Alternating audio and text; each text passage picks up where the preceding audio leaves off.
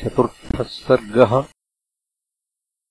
श्रीमहादेव उवाच एकदा ब्रह्मणो लोकादायान्तम् नारदम् मुनिम् पर्यटन् रावणो लोकान् दृष्ट्वा नत्वाब्रवीद्वचः भगवन् ब्रूहि मे योद्धुम् कुत्र सन्ति महाबलाः। योद्धुमिच्छामि बलिभिः त्वम् ज्ञातासि जगत्त्रयम्।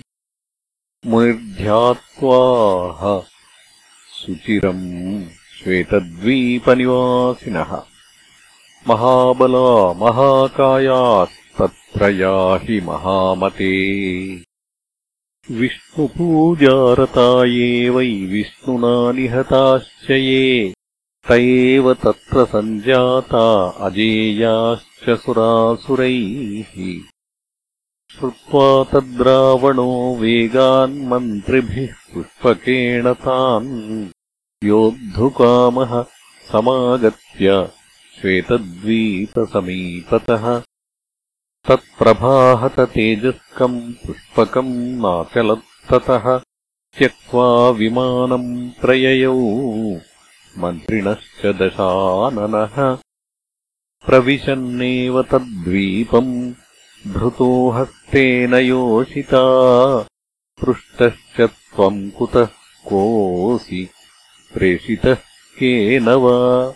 वद इत्युक्तो लीलया स्त्रीभिर्हसन्तीभिः पुनः पुनः कृच्छ्राद्धस्ताद्विनिर्मुक्तस्तासाम् स्त्रीणाम् दशाननः आश्चर्यमतुलम् लब्ध्वा चिन्तयामास दुर्मतिः विष्णुना निहतो यामि वैकुण्ठमिति निश्चितः। मयि विष्णुर्यथा कुप्येत्तथा कार्यम् करोम्यहम् इति निश्चित्य वैदेहीम् जहारविपिने सुरः। जानन्नेव परात्मानम् स जहारावनीसुताम्। मातृवत्पालयामास त्वत्तः काङ्क्षन् वधम् स्वकम्। राम त्वम् परमेश्वरोऽसि सकलम् जानासि। विज्ञानदृग्भूतम् भव्यमिदम् त्रिकालकलनासाक्षी विकल्पोज्झितः भक्तानामनुवर्तनाय सकलाम् कुर्वन् क्रियासंहति त्वम् शृण्वन्। मनुजाकृतिर्मुनिवचो भासीशलोकात्पितः स्तुत्वैवम् राघवम् तेन पूजितः कुम्भसम्भवः। स्वाश्रमम् मुनिभिः सार्धम् प्रययौ। हृष्टमानसः। रामस्तु सीतया सार्धम्। भ्रातृभिः सह मन्त्रिभिः।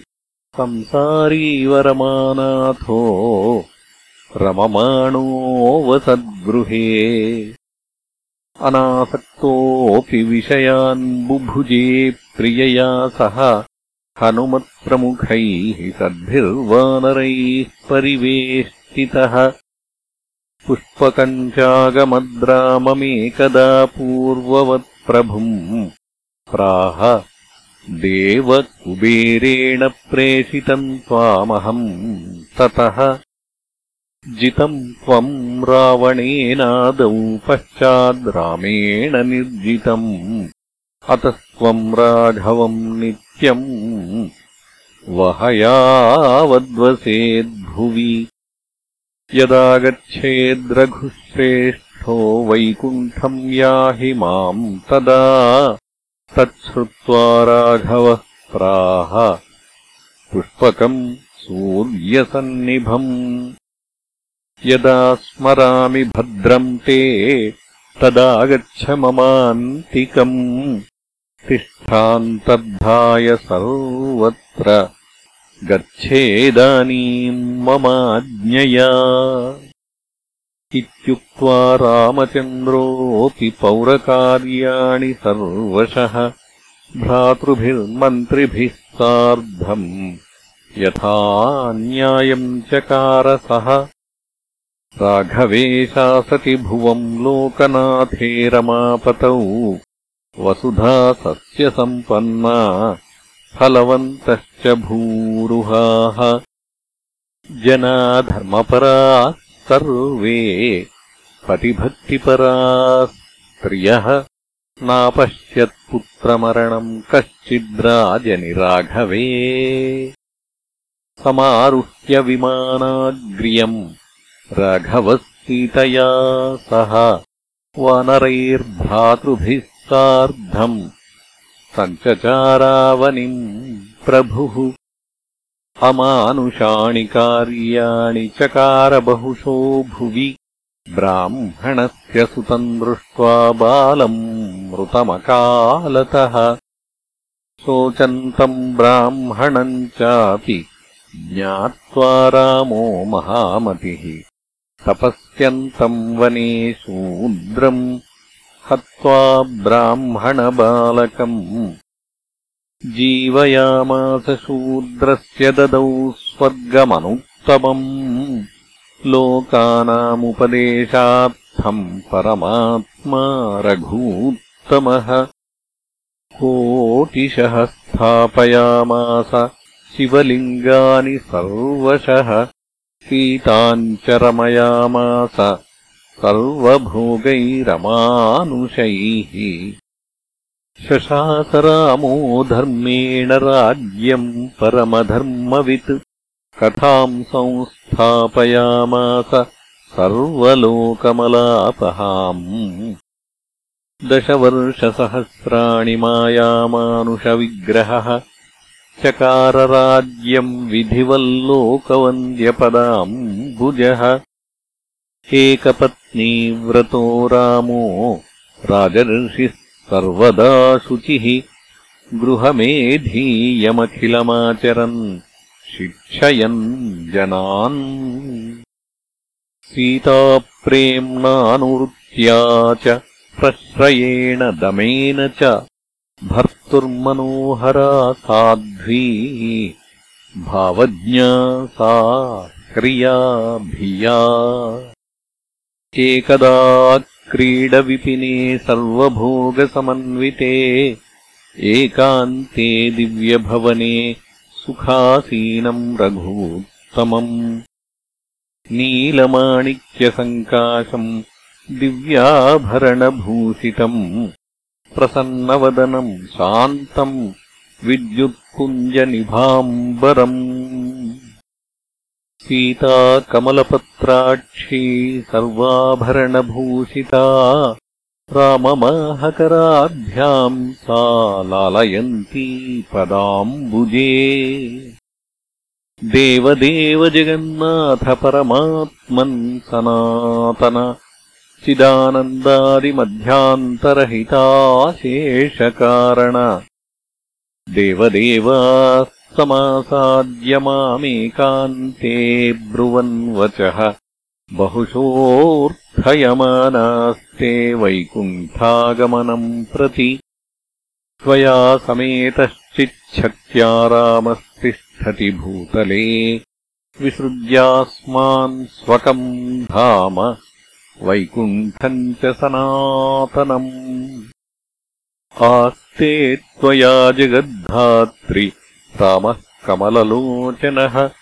अग्रतो याहि वैकुण्ठम् त्वम् तथा चेद्रघूत्तमः आगमिष्यति वैकुण्ठम् सनाथान्नः करिष्यति। इति विज्ञापिताहम् तैर्मया विज्ञापितो भवान् यद्युक्तम् तत्कुरुष्वाद्य नाहमाज्ञापये प्रभो। सीतायास्तद्वचः श्रुत्वा रामो क्षणम् देवि जानामि सकलम् तत्रोपायम् वदामि ते। कल्पयित्वामिशम् देवि लोकवादम् त्वदाश्रयम् त्यजामि त्वाम् वने लोकवादाद्भीतैवापरः भविष्यतः कुमारौ द्वौ वाल्मीकेराश्रमान्तिके इदानीम् दृश्यते गर्भः पुनरागत्य मेऽन्तिकम्। लोकानाम् प्रत्ययार्थम् त्वम् कृत्वा शपथमादरात् भूमेर्विवरमात्रेण वैकुण्ठम् यास्यसि द्रुतम्। पश्चादहम् गमिष्यामि एष एव सुनिश्चयः। इत्युक्त्वा ताम् विसृज्याथ रामो ज्ञानैकलक्षणः मन्त्रिभिर्मन्त्रतत्त्वज्ञैर्बलमुख्यैश्च संवृतः। तत्रोपविष्टम् श्रीरामम् सुहृदः पर्युपासत हास्यप्रौढकथासुज्ञा हासयन्तः स्थिता हरिम्। कथाप्रसङ्गात्पप्रच्छ रामो विजयनामकम्। पौरा जनपदा मे किम् वदन्तीह शुभाशुभम्। सीताम् वा मातरम् वा मे भ्रातॄन् वा कैकयीमथ न भेतव्यम् त्वया ब्रूहि शापितोऽसि ममोपरि। इत्युक्तः प्राह विजयो देव सर्वे वदन्ति ते। कृतम् सुदुष्करम् सर्वम् रामेण विदितात्मना। किन्तु हत्वा दशग्रीवम् सीतामाहृत्य राघवः अमर्षम् पृष्ठतः कृत्वा स्वम् वेश्म प्रत्यपादयत् कीदृशम् हृदये तस्य सीतासम्भोगजम् सुखम्। या हृता विजनेरण्ये रावणेन दुरात्मना। अस्माकमपि दुष्कर्म योषिताम् मर्षणम् भवेत्। यादृग्भवति वै राजा तादृश्यो नियतम् प्रजाः श्रुत्वा तद्वचनम् रामः। स्वजनान् पर्यपृच्छत। तेऽपि नत्वाब्रुवन् राममेवमेतन्न संशयः। ततो विसृज्य सचिवान् विजयम् सुहृदस्तथा। आहूय लक्ष्मणम् रामो। वचनम् चेदमब्रवीत् लोकापवादस्तु महान् सीतामाश्रित्य मे भवत्। सीताम् प्रातः समानीय वाल्मीकेराश्रमान्तिके। त्यक्त्वा शीघ्रम् रथेन त्वम् पुनरायाहि लक्ष्मण। वक्ष्यसे यदि वा किञ्चित्तदा माम् हतवानसि। इत्युक्तो लक्ष्मणो भीत् प्रातरुत्थाय जानकीम् सुमन्त्रेण रथे कृत्वा जगाम सहसा वनम्। वाल्मीकेराश्रमस्यान्ते त्यक्त्वा सीतामुवाच सः लोकापवादभीत्या त्वाम् त्यक्तवान् राघवो वने दोषो न कश्चिन्मे मातर्गच्छाश्रमपदम् मुनेः इत्युक्त्वा लक्ष्मणः शीघ्रम् गतवान् रामसन्निधिम्।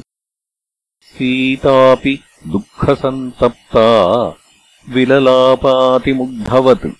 शिष्यैः श्रुत्वा च वाल्मीकिः सीताम् ज्ञात्वा स दिव्यदृक् अर्घ्यादिभिः पूजयित्वा समाश्वास्य च जानकीम् ज्ञात्वा भविष्यम् सकलमर्पयन् मुनियोषिताम्।